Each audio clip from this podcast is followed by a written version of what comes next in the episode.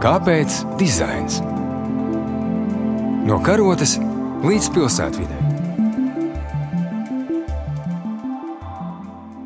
Labdien, klausītāji! Klasikas studijā Ilza Martinsona, Latvijas arhitektūras muzeja vadītāja, un mana viesne šodien ir Alpas ainavu projektēšanas darbnīcas līdzīpašniece Helēna Gūtmana.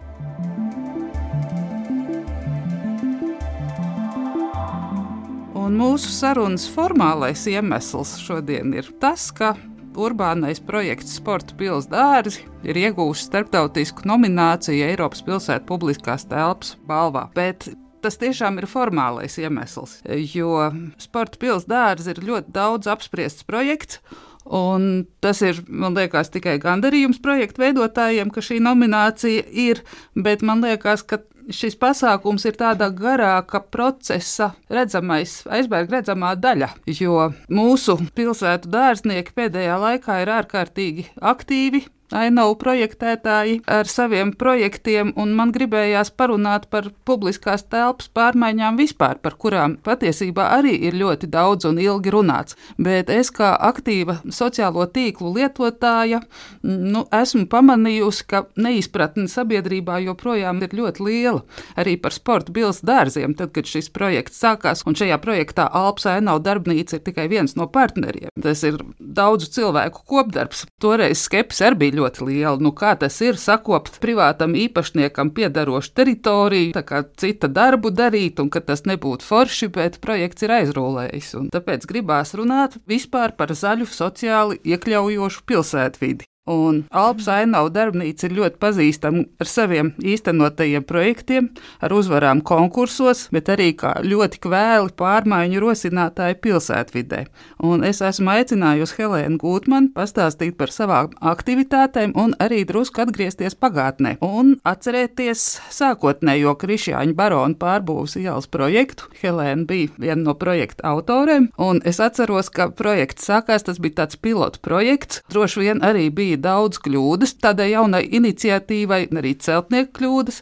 Sabiedrībā bija ļoti liela skepse par finansiālo pamatojumu, jo tas notika vēl Rīgas vecās domas laikā, un tā tas iespējams varēja būt, ka tādas bažas bija. Bet šodien jau ir vēl viens Krišāņa barona ielas pārbūves projekts kļūs aktuāls. Un es gribu atgriezties pie tiem sākumiem. Helēna, kā jūs šodien vērtējat to projektu, kas nu, jau pirms diezgan daudziem gadiem tika īstenots? Kā tās jūsu idejas ir iedzīvojušās? Mm, kā es vērtēju projektu vai kā es vērtēju būvniecību? Abi divi ir procesi, un ļoti aktīvi piedalījos tieši projekta izstrādē. Projekta izstrādē es vērtēju šodien, skatoties ar sajūsmu un nostalģiju. Mēs sākam ar ļoti pieticīgu ideju salāpīt dažas vietas, kur tas sākums bija galīgi izdrupis. Ar to mēs sākam komanda. Vispār uh, es biju no sākuma konsultants. To, ko es atceros, es atceros spraigas diskusijas, es atceros uh, satiksmes departamenta darbinieku nevienaldzību, es atceros meklējumus un risinājumus. No šīs mazas idējas salapīt dažas vietas, mēs aizgājām līdz praktiski ielas kā publiskas artelpas eh, kompleksa atjaunošanas. Mēs Inicējām, un gan politiska vadība, gan satiksmes departaments pieņēma un arī piedalījās ļoti eh, tādās uh, Viņu pozīcijas varētu teikt apšaubamos sabiedriskas apspriešanās, un es atceros, ka 11. Eh, jūnijā pirms projekts nebija vēl izsludināts iepirkums būvniecībai. Rīgas doma, liela zāle, tika sasaukti baronīlas iedzīvotāji, un eh, pirms tika iepazīstināti ar projektu, es atceros, ka viens nāma īpašnieks pienāca un teica, Manā dzīve ir uh, pirmā pieredze, kad par projektu runā pirms tās ir sācies, un par viņu uzzinu nevis no būvniecības procesa sākumā. Kā jūs pareizi teicat, tas bija pilota projekts. Viss bija jauns. Jauns bija tas, ka tik vērienīgs projekts bija uzdrošinājums veidot uh, seguma atjaunošanas kārtības ietvaros. Ja, es nezinu, vai skatītāji zina, kas ir seguma viena um, atjaunošanas kārtība. Rīgas domē pirms gadiem desmit sāka izstrādāt tādu vienkāršotu projektu saskaņošanas kārtību, lai ietu ātrāk uz priekšu, tur, kur nav jāizstrādā ļoti lielu uzsējumu uz būvniecības projektu pārbūvēju. Tur viss bija novitāte, viss bija jauns. Jā, mēs runājām par uh, labiekārtojumu. Īstenībā tā praksa, ka tagad uh, gan seguma atjaunošanas kārtība paralēli tiek izstrādāts labiekārtojumu paskaidrojumu raksts, tas ir nāk no Barona ielas. Tur bija visu sīvi kritizētā rekomendējuša vēlējoslā, pirmā un vienīga pagaidām. Un bija domāts par ielu kā publisko ārtelpu, un bija domāts arī par dizainu. Jā, kāpēc dizains tieši nevis kā par tehnisku būvi, nevis kā par artēriem, bet uh, kā par publisko ārtelpu.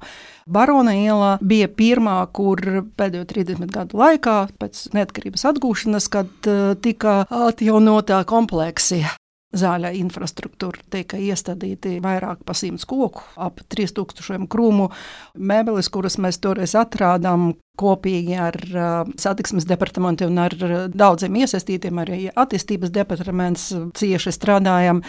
Vēl joprojām ir aizgājušas, un citas ielas tagad tiek lietotas ne tikai Rīgā, bet arī citas pilsētas Latvijā bija inovācija. Jā, es saucu to projektu par uh, sociālu inovāciju. Pēc tam visas citas ielas tika atjaunotas savādāk ar domu par ielu kā publisku artelpu, tāpēc, ka jūs saprotat, ka satiksmē tādos projektus aizņem visu ekrānu. Jā. Tas ir ļoti sarežģīts jautājums, visu laiku par viņu strīdās, bet to, ka ielā ir tāpat kā parks, tāpat kā laukums, ir publiska artelpa, turklāt viņu lieto visi. Ja jūs varat neaiziet uz parku vai teātra laukumu, ja neapmeklējat teātri, tad uz ielas jūs nevarat neiziet. Tāpēc ar tādu nostalģiju atceros šo procesu un īstenībā profesionāli ierēģi un tādas sīkstas iestādes, kas attieksmes departaments ar tādu ļoti tradicionālu tehnisku habitusu, viņu uzdrošinājums veidot kaut ko tādu. Mums daudz kas neizdevas, ir bijušas, protams,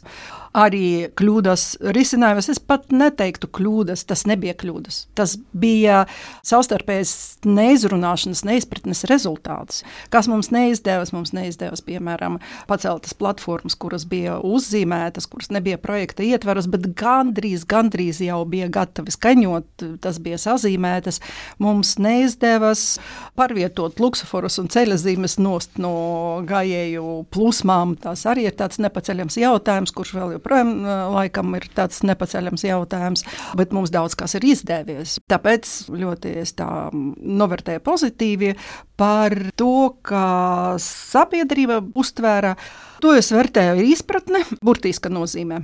Kad es strādāju pie šī projekta, tas izpratnes nebija. Ja pilnīgi nesapratu, kas notiek, kur es esmu, jā, kāpēc viss tā kliedz.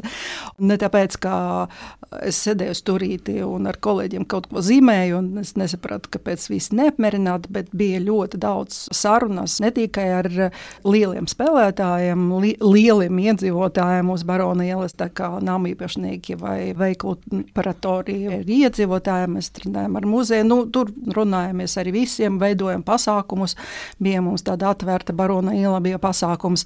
Runājām arī ar aktivistiem, urbanistiem. Daudzas sarunas ar viņiem ir bijis, un runājām ar žurnālistiem. Es kā naivs cilvēks toreiz, ja es nevarēju saprast, kas tad notiek, kāpēc žurnālisties viņam saka vienu, viņi pēc tam atstāsta kaut ko citu, par liek akcentus, un uh, izrunājot ar urbanistiem, aktivistiem, uh, it kā vienojoties, nonākt pie risinājuma konkrēti, ka viņš ir labs, pēc tam uh, tiek veidots tāds mana skatījuma gadījumi bija destruktīvas darbības. Tad es uzvilku internetu simtus un uh, papētīju, un pētījuma rezultātā es nonācu līdz tādai atziņai, ka sabiedrība A nav homogēna, Tad sabiedrība nav milzīga amorfa cilvēku grupa. Tas ir vairāku sociālu grupu konglomerāts. Un B, ka sociālas grupas ir aktīvas, tas ir ļoti šaurs revolucionārs lokus. Ir sabiedrība, kur bija negatīva, un es pat teiktu, sistematiski un pārdomāti negatīva. Bija sabiedrība, kura pieslēdzas šim sašutumam, bija sabiedrība, kur bija pozitīva, un bija sabiedrība, sabiedrība, kurā vispār neko neteica, vienkārši lietoja ielu.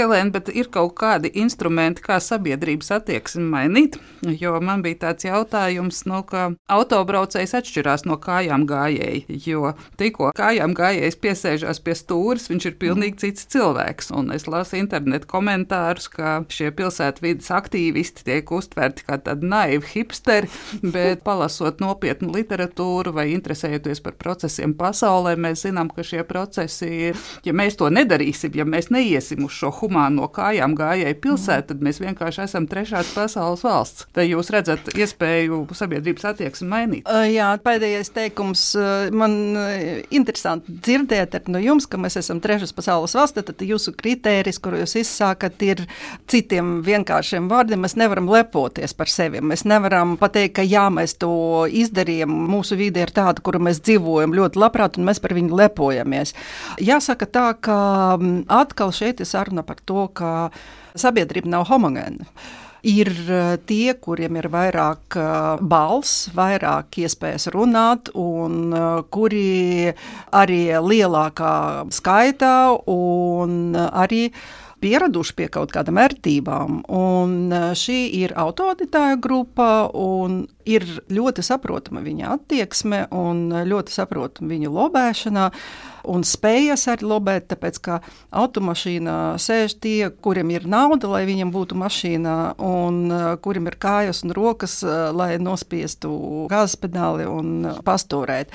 Tie, kuriem tādu iespēju nav, viņiem arī nav balss. Tāpēc tas ir saprotams, un mēs absolūti nesam unikāli. Tas notiek visa pasaulē, un ir jautājums par to, vai mēs uzdrošināmies tiem, kuriem ir uzticēts organizēt mūsu visu kopējo dzīvi, tad mēs esam ļoti daudz, un mēs maksājam nodokļus un sakām, jā, mēs negribam ar to nodarboties. Jā, lūdzu, jā, mēs jūs ievēlam, vai jūs tur paņemat savus konsultantus vai ierēģņus un lūdzu izdariet mūsu vietā.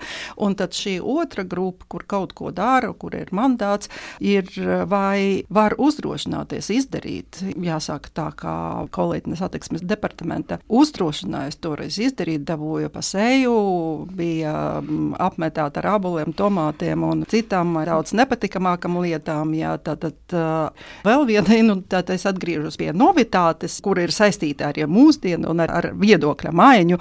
Tātad um, Baronā ielas komunikācijas procesa Užakovs paņēma atbildību institucionālu atbildību par projektu un uh, momentāli tika politizēts. Tas bija pirmo reizi, kad tieši vide un uh, ārtelpas projekts viņu izmantoja politiskās cīņas.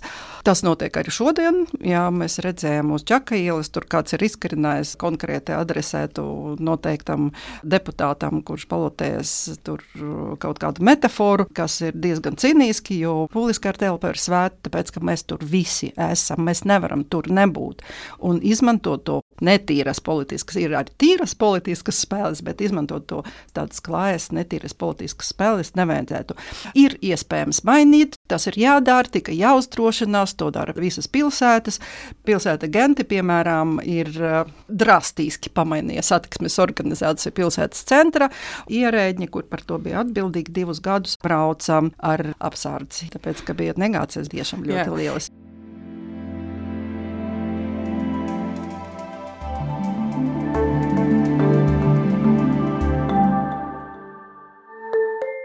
Helēna, jūs tikko stāstījāt par ģentas pilsētu, kur tas ir drastiski izdarīts. Man gribās atkal atgriezties pie Rīgas, jo nepārāk sen notika pilsētas cilvēkiem pikets par brīvības ielu, mhm. un mans iepriekšējais raidījuma viesis bija arhitekts Jānis Lēnieks, arhitektūras vēsturnieks, ar kuru mēs apspriedām vēsturiskos plānus brīvības ielai, kā padomju laikā pilsētu plānotāji domāja, nojaucot vecās koku ēkas, radīt tādas zaļas kabatas. Mēs uz padomju laiku skatāmies ļoti skeptiski un ar negāciju, bet pilsētu plānotāji jau tie, kas nevienmēr šos lēmumus varbūt pieņēma adekvāti, bet tie, kas plānoja, jau domāja ļoti nu, laikmetīgi. Bet šodien viss ir privāti īpašums, šīs kabatas ir aizbūvētas vai vispār ar kādiem līdzekļiem varētu šo brīvības ielas daļu, kas no gaisa tilta līdz tālīnas ielai izskatās kājām gājējiem vispār nelietojami, riebīgi pa turieni soļot. Ir ja, mehānismi, kā viņu humanizēt. Bēda nav tāda, ka tur nav to kājām gājēju, bet bēda ir, ka tur ir tie kājām gājēji. Tur diezgan daudz, starp citu, pirmie stāvi nu, vairāk vai mazāk apdzīvoti, un tur uh, iela ir pārtraukta. No sākuma ir uh, gaisa tilts, tad uh, savienojums starp Baronu ielu un lieliem kāpiem, pēc tam tas antihumānais krusts, jā, Pērnavas ielas, briesmīgs. Pēc tam sākas tur benzīna tanks, kurš tādu robiņu uztaisa, jā, zaļš viņš nav, bet tomēr gaiss ir tā. Jā, nav slēgt blīvajā apbūve. Tad sākas tā mielīgā cēsu ielā un arī kvartāls. Tur ir tā dzīvība un cilvēku tur staigā ļoti daudz, bet man nepatīk uh, lietot vārdu degradēt, tā vide ir uh, uzturēties ļoti nepatīkami.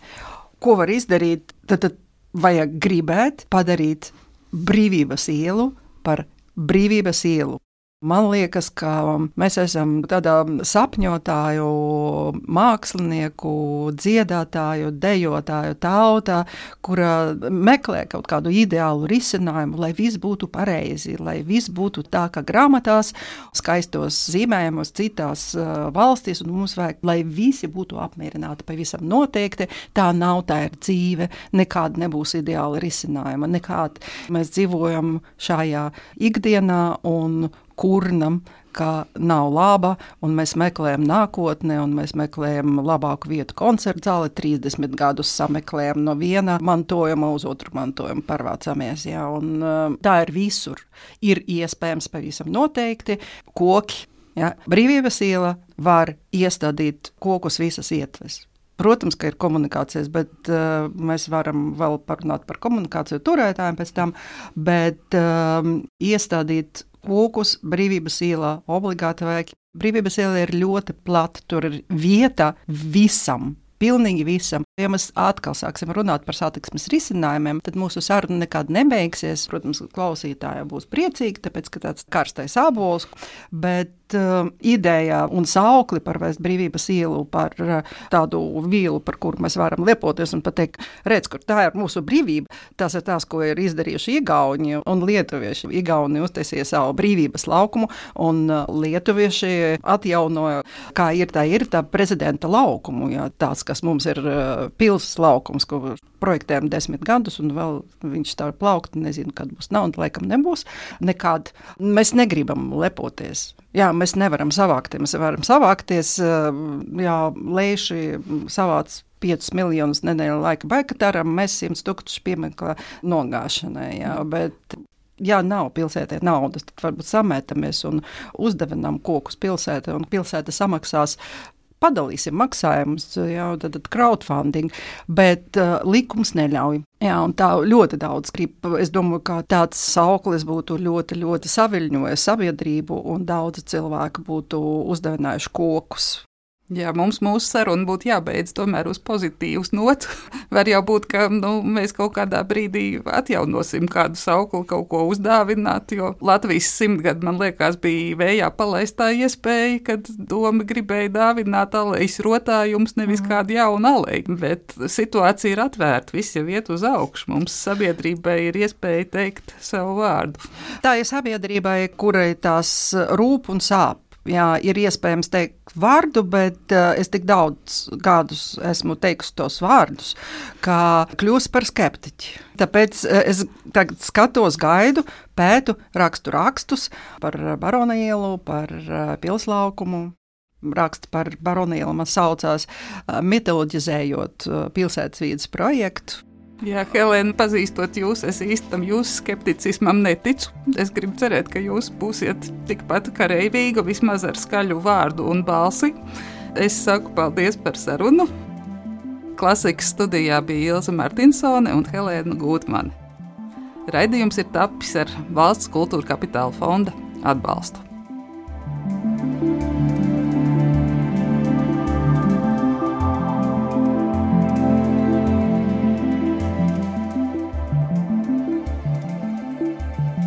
Kāpēc dizains? No karotes līdz pilsētvidai. Pirmdien, 9.5.